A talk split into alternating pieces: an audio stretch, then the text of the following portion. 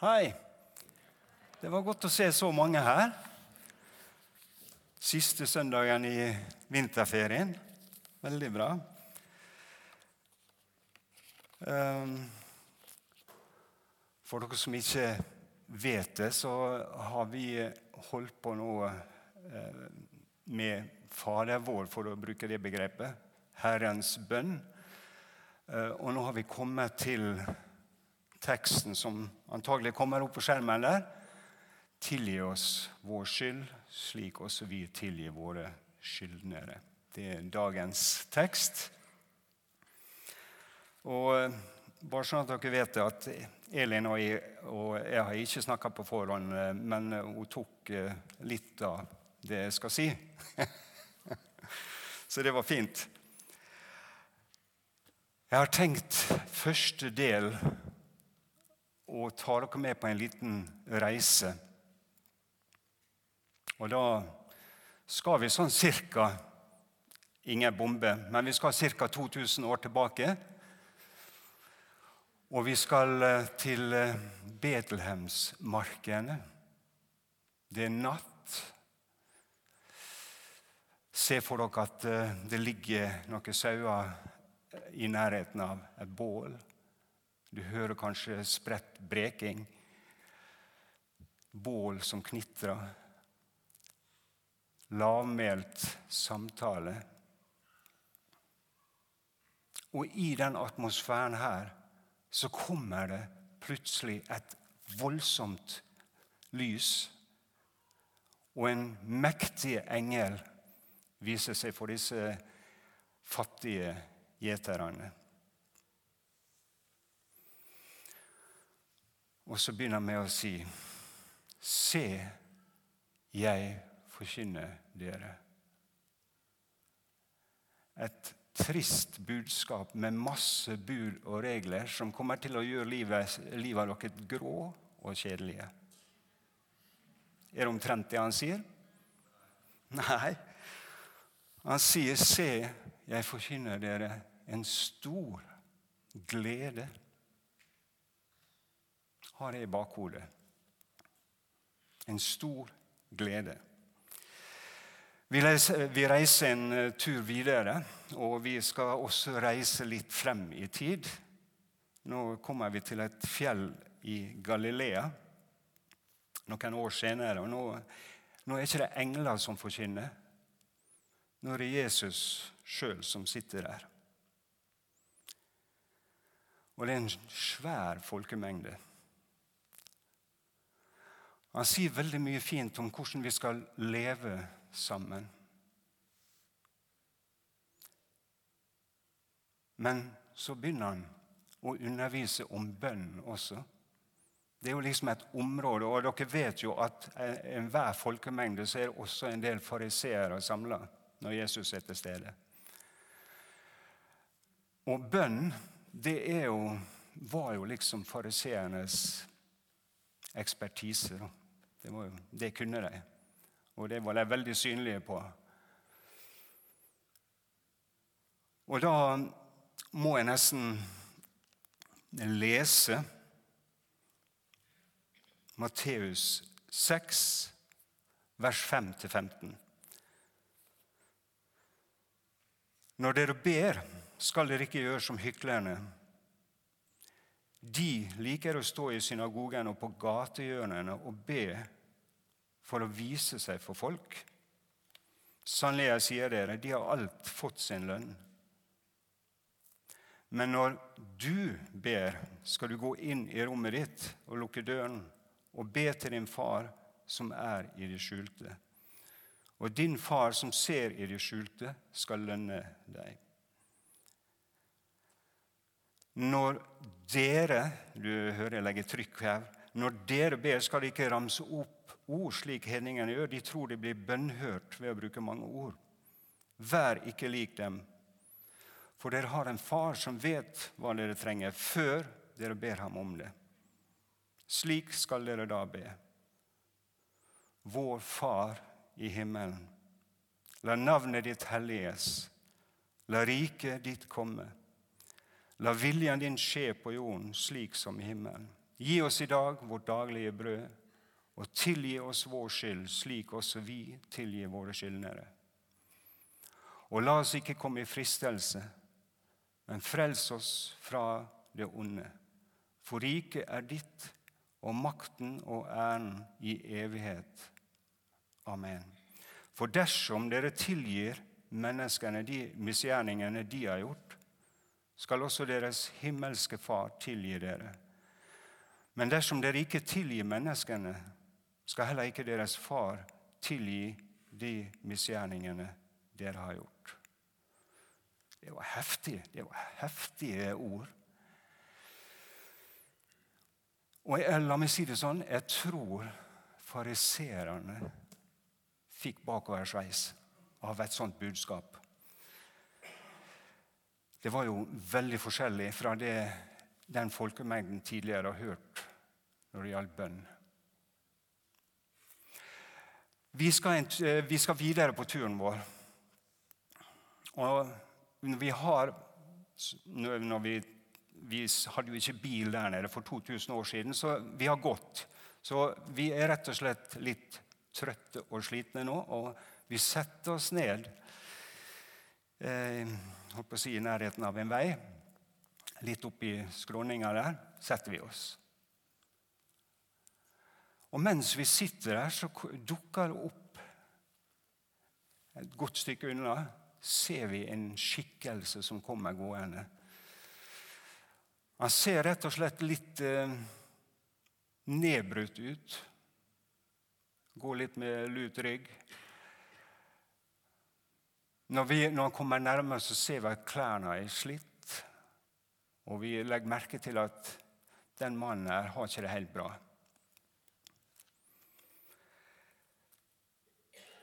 Og mens vi ser han komme nærmere, så ser vi kommer fra andre veien kommer det en eldre mann.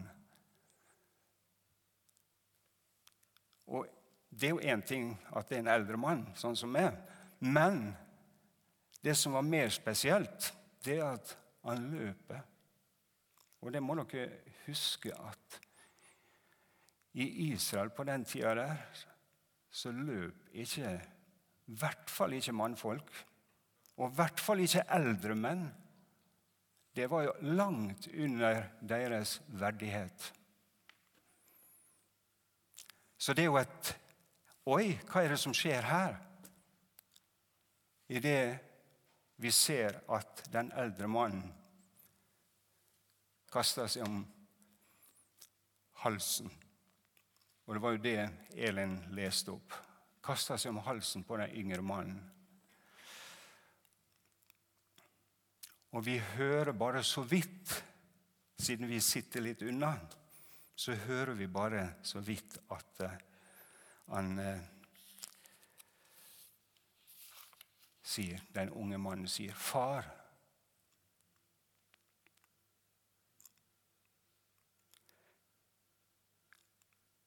Jeg har syndet mot himmelen og mot deg.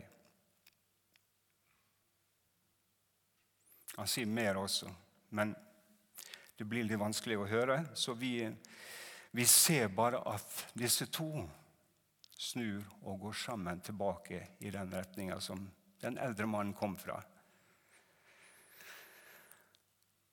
Etter vi har hvilt oss en stund, så fortsetter vi turen.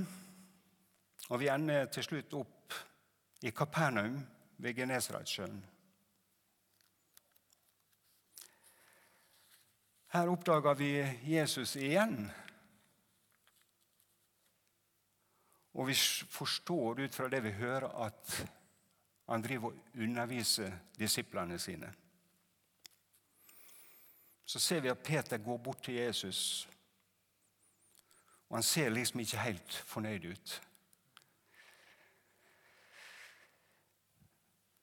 Vi hører han rope, spør Jesus, 'Herre, hvor mange ganger skal min bror kunne synde mot meg, og jeg likevel tilgi ham?' Så mange som sju. Jeg tror Peter tenkte at nå, nå var jeg raus, altså. Og det kan godt hende vi også ville tenke det samme. Ja, det var jo et raust tilbud sju ganger liksom, i løpet av en dag. Slett ikke gærent, det. Og så kommer Jesus med et eh, jeg tror for Peter et overraskende svar. For uh, han sier ikke sju ganger, men jeg sier det 70 ganger sju. Og rask hoderegning, da, er det jo naturlig kanskje å, å gjøre. Så er det cirka, altså Hvis du tenker at du er våken sånn ca. 16 timer i et døgn, da, så skulle det bli rundt 30 ganger per time. da. Det er litt heftig.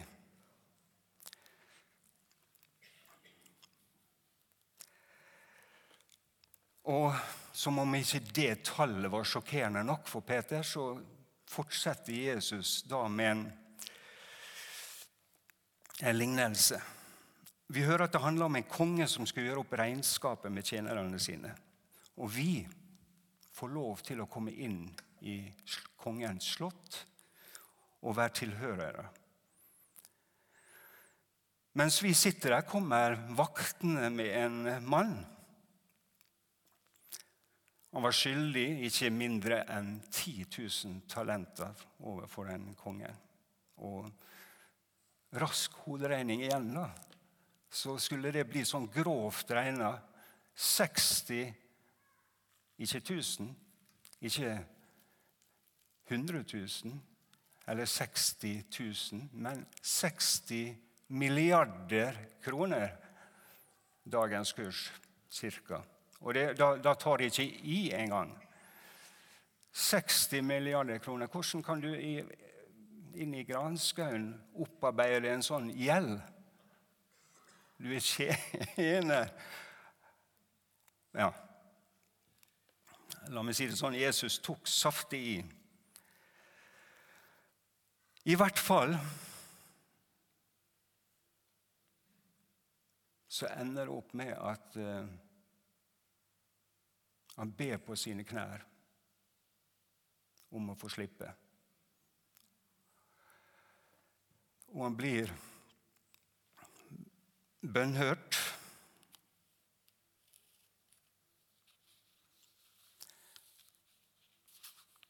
Han kan gå ut. I den sammenheng må jeg bare kjapt skyte inn. Eh, jeg tok eh, når jeg var veldig tidlig i tenåra, jeg tror jeg var så vidt tenåring, så hadde jeg eh, vært så frimodig La meg, si, la meg raskt understreke at det her var lenge før jeg, jeg var kristen. Sånn at dere skjønner at det her eh, har med, litt med fortida å gjøre. I hvert fall så var jeg inne i en butikk, da, en bokhandel. Og så eh, ble fristelsen litt for stor, og så tok jeg med meg noen få ting fra den butikken. Og det ble ikke oppdaga. Det gikk mange år.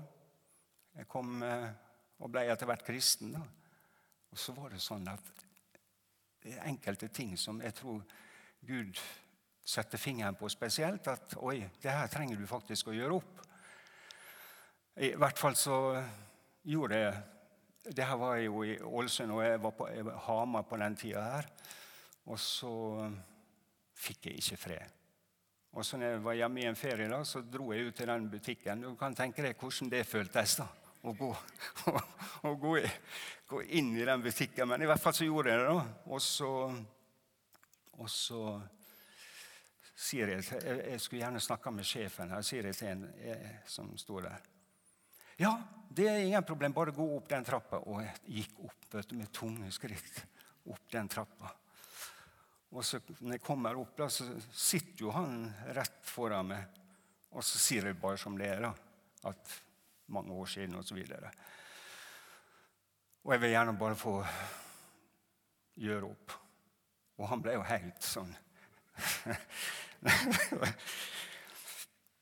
Så det, det, endte opp La meg si det sånn, jeg skyldte ikke 60 milliarder. Det var ikke det summene, men det var, det var, en fantastisk følelse. For han var jo helt over. Nei, selvfølgelig skal ikke du, osv. Det, var ikke, det var ikke kronene. Det var, det var jo holdninga min som var avgjørende her. da. I hvert fall så fløy jeg lavt ned de trappene ut på, ut på gata. Det var en nydelig følelse. Glede. en stor glede. Og det ville jeg jo nesten tro at han tjeneren her burde ha følt. Men han er skyldig så mye. Men hva er det som skjer? Jo, han kommer ut. Og der så ser han en medtjener som venter i køen på å komme inn for kongen. Og istedenfor å juble og si ja, jeg har blitt tilgitt, jeg har fått frigitt gjelda på 60 milliarder, så griper han fatt i den der medtjeneren og ber han eh, betale på rappen, holdt jeg å si. Og hva var det han eh, skyldig, eh, var skyldig, da? Jo, det var grovt regna 100 000. Det er jo ikke lite penger, det heller. Men sammenligna med 60 milliarder så blir det lite. I hvert fall Dere vet jo at han får kasta han i fengsel, og, han, og, der skulle han sitte til han hadde betalt gjelda, si. han var beinhard, for å si det sånn. da. Og det her får jo jeg holdt på å si heldigvis kongen vite om, og kaller han inn på teppet igjen. Og kansellerer den tilgivelsen han nettopp hadde fått og kasta han i fengsel. Det var resultatet. Da var vi ferdig med den lille turen. Det var del én, da. Kan vi lære noe? Tenker dere? Ja, det første, altså den på Betlehemsmarkene, den store gleden som han forkynte, det er jo at budskapet om Jesus er først og fremst et budskap Jan Tore nevnte de gode nyhetene. ja. Og de gode nyhetene skaper glede. Tilgivelse skaper glede. Det å få tilgivelse, det å gi tilgivelse, det skaper glede. Dyp, ekte glede. Um, dere vet det at uh, det er jo bønn det handler om. Dere vet at det er mye lettere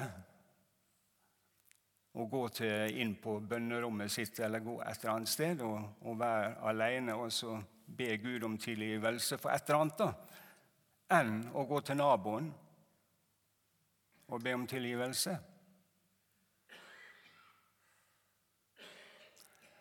Og det er ofte og motsatt. da. Det er vanskeligere å se hva vi er skyldige overfor Gud, enn å se hva vi er skyldige overfor naboen. Har dere tenkt på det? Altså, der tror jeg Jesus, når han forteller den lignelsen her om de 10 000 talenter og de 100 denarene, så vil han vise det perspektivet at overfor Gud står vi skyldige. Ja, vi kan være skyldige overfor naboer òg, eller venner eller arbeidskolleger, eller hva det måtte være. Og av og til så ber Gud oss Eller av og til. Han gjør det hvis vi har takka i salaten, for å si det enkelt. Enten gjennom ord eller gjerninger. For Gud er levende og sterkt opptatt av relasjoner. Og han vil at vi skal rydde opp. Om det er over i familie eller om det er overfor andre. Han vil at vi skal rydde opp. La meg si det sånn.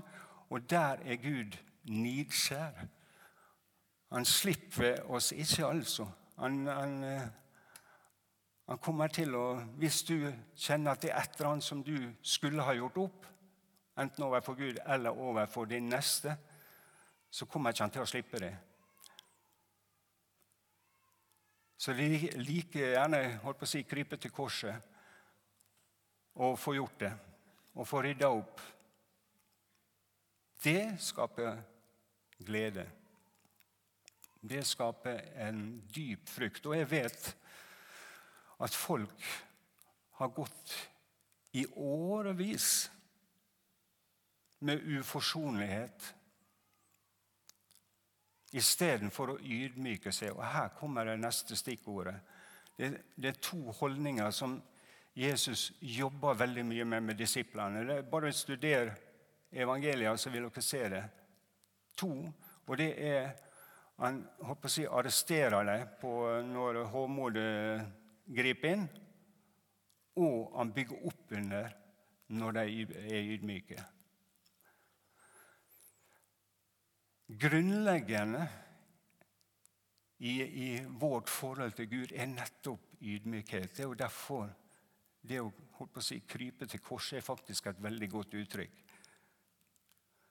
For det gjør, det gjør noe med oss, og det gjør noe med oss også når vi går til de som vi har holdt på å si, kanskje gjort noe gærent mot. da.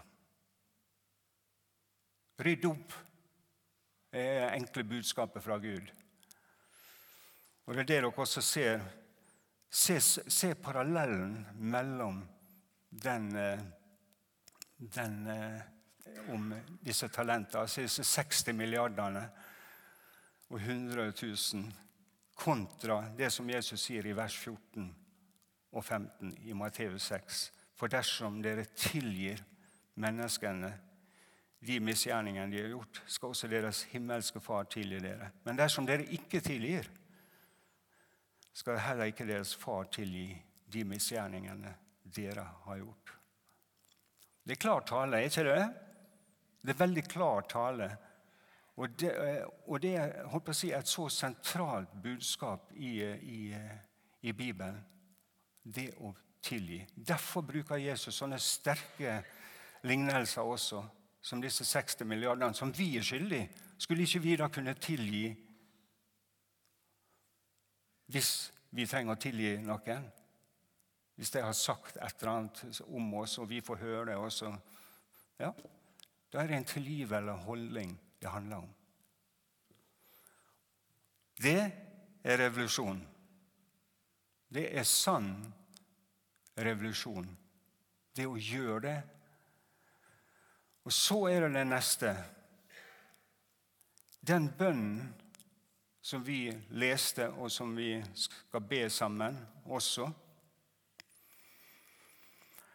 Og Derfor jeg understreka det der når jeg leste i sted, så står det 'når dere ber'. Altså Fader vår, eller Herrens bønn, er først og fremst en felles forbønn, der vi ber for andre.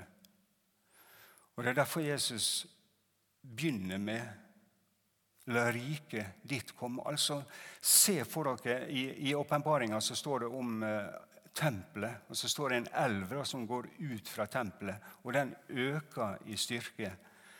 Og Det samme tror jeg gjelder den bønnen her.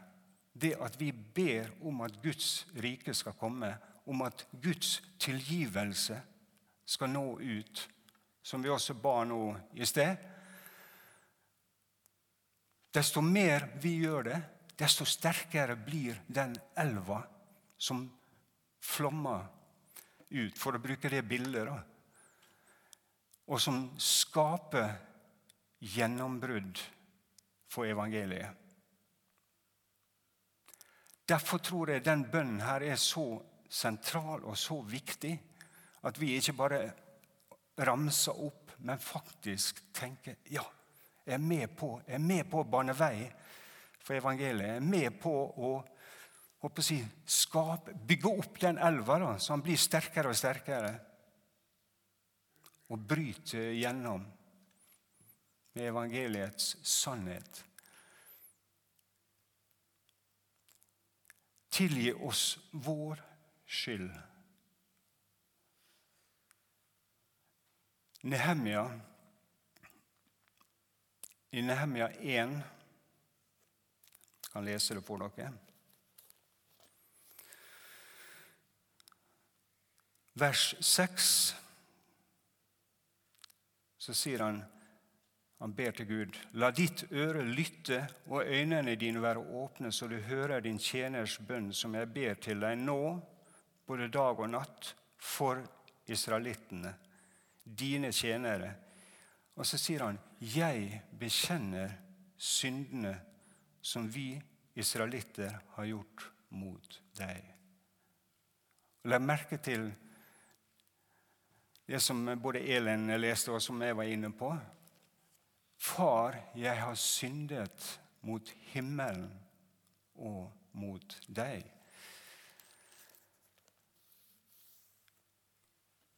Ja, kanskje ikke du føler deg så veldig skyldig, men du lever i en nasjon, blant et folk, som praktiserer synd. Selvfølgelig det vil jo være rart om de ikke gjør det, dessverre. Og vet du, det er, det er kanskje ett område som, som, har opptatt meg egentlig i mange år. Da. og det, det, sikkert, det, burde kanskje vært en dame som sto her og sa akkurat det, da. men allikevel, det ligger på hjertet. Og eh, det er jo eh, Vi bryter jo jeg vil si daglig, et av Guds bud du skal ikke slå i hjel. Daglig skjer det på, med loven i hånd. Så skjer det. Og det har kledd det inn i et veldig sånn pent ord. Da. Abort. Men gjør det noe mer riktig i den forstand? Gud sier fortsatt du skal ikke slå i hjel. Unnfangelsen begynner livet. Og livet Hvis dere la merke til den bønnen her, så står det La navnet ditt helliges. Altså, livet er hellig det livet som skapes i mors liv, er hellig. Og vet du, Skal vi ut i protestmarsj? Nei. Altså, De gjør det, og det er lov. Altså Det står i Norges lov. Er Norges lov over Guds lov? Nei, det er jo ikke det. Men hva kan vi gjøre? Jo, vi kan be. Høres det naivt ut? Ja, bare be, liksom. Ja, neimen, Hvis dere ser historisk på det, så har bønn vært med på å forandre nasjoner. Og jeg tror virkelig at det kan skje igjen i Norge. Også være med på å endre lover som er gudsfiendtlige. Så eh, hermed er oppfordringa gått ut at be den bønnen her. Be for landet vårt. Be for folket vårt om at Guds tilgivelse skal nå ut. Jesus ba, når han hang på korset, så ba han, Far, Tilgi dem. For de vet ikke hva de gjør.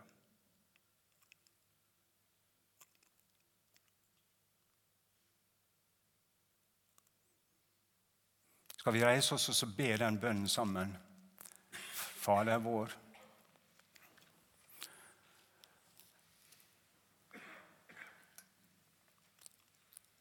Vår Far i himmelen. La navnet ditt helliges. La riket ditt komme. La viljen din skje på jorden slik som i himmelen. Gi oss i dag vårt daglige brød, og tilgi oss vår skyld, slik også vi tilgir våre skyldnere. Og la oss ikke komme i fristelse, men frels oss fra det onde. For riket er ditt, og makten og æren i evighet. Amen. Tusen takk. Bare sitt ned, så.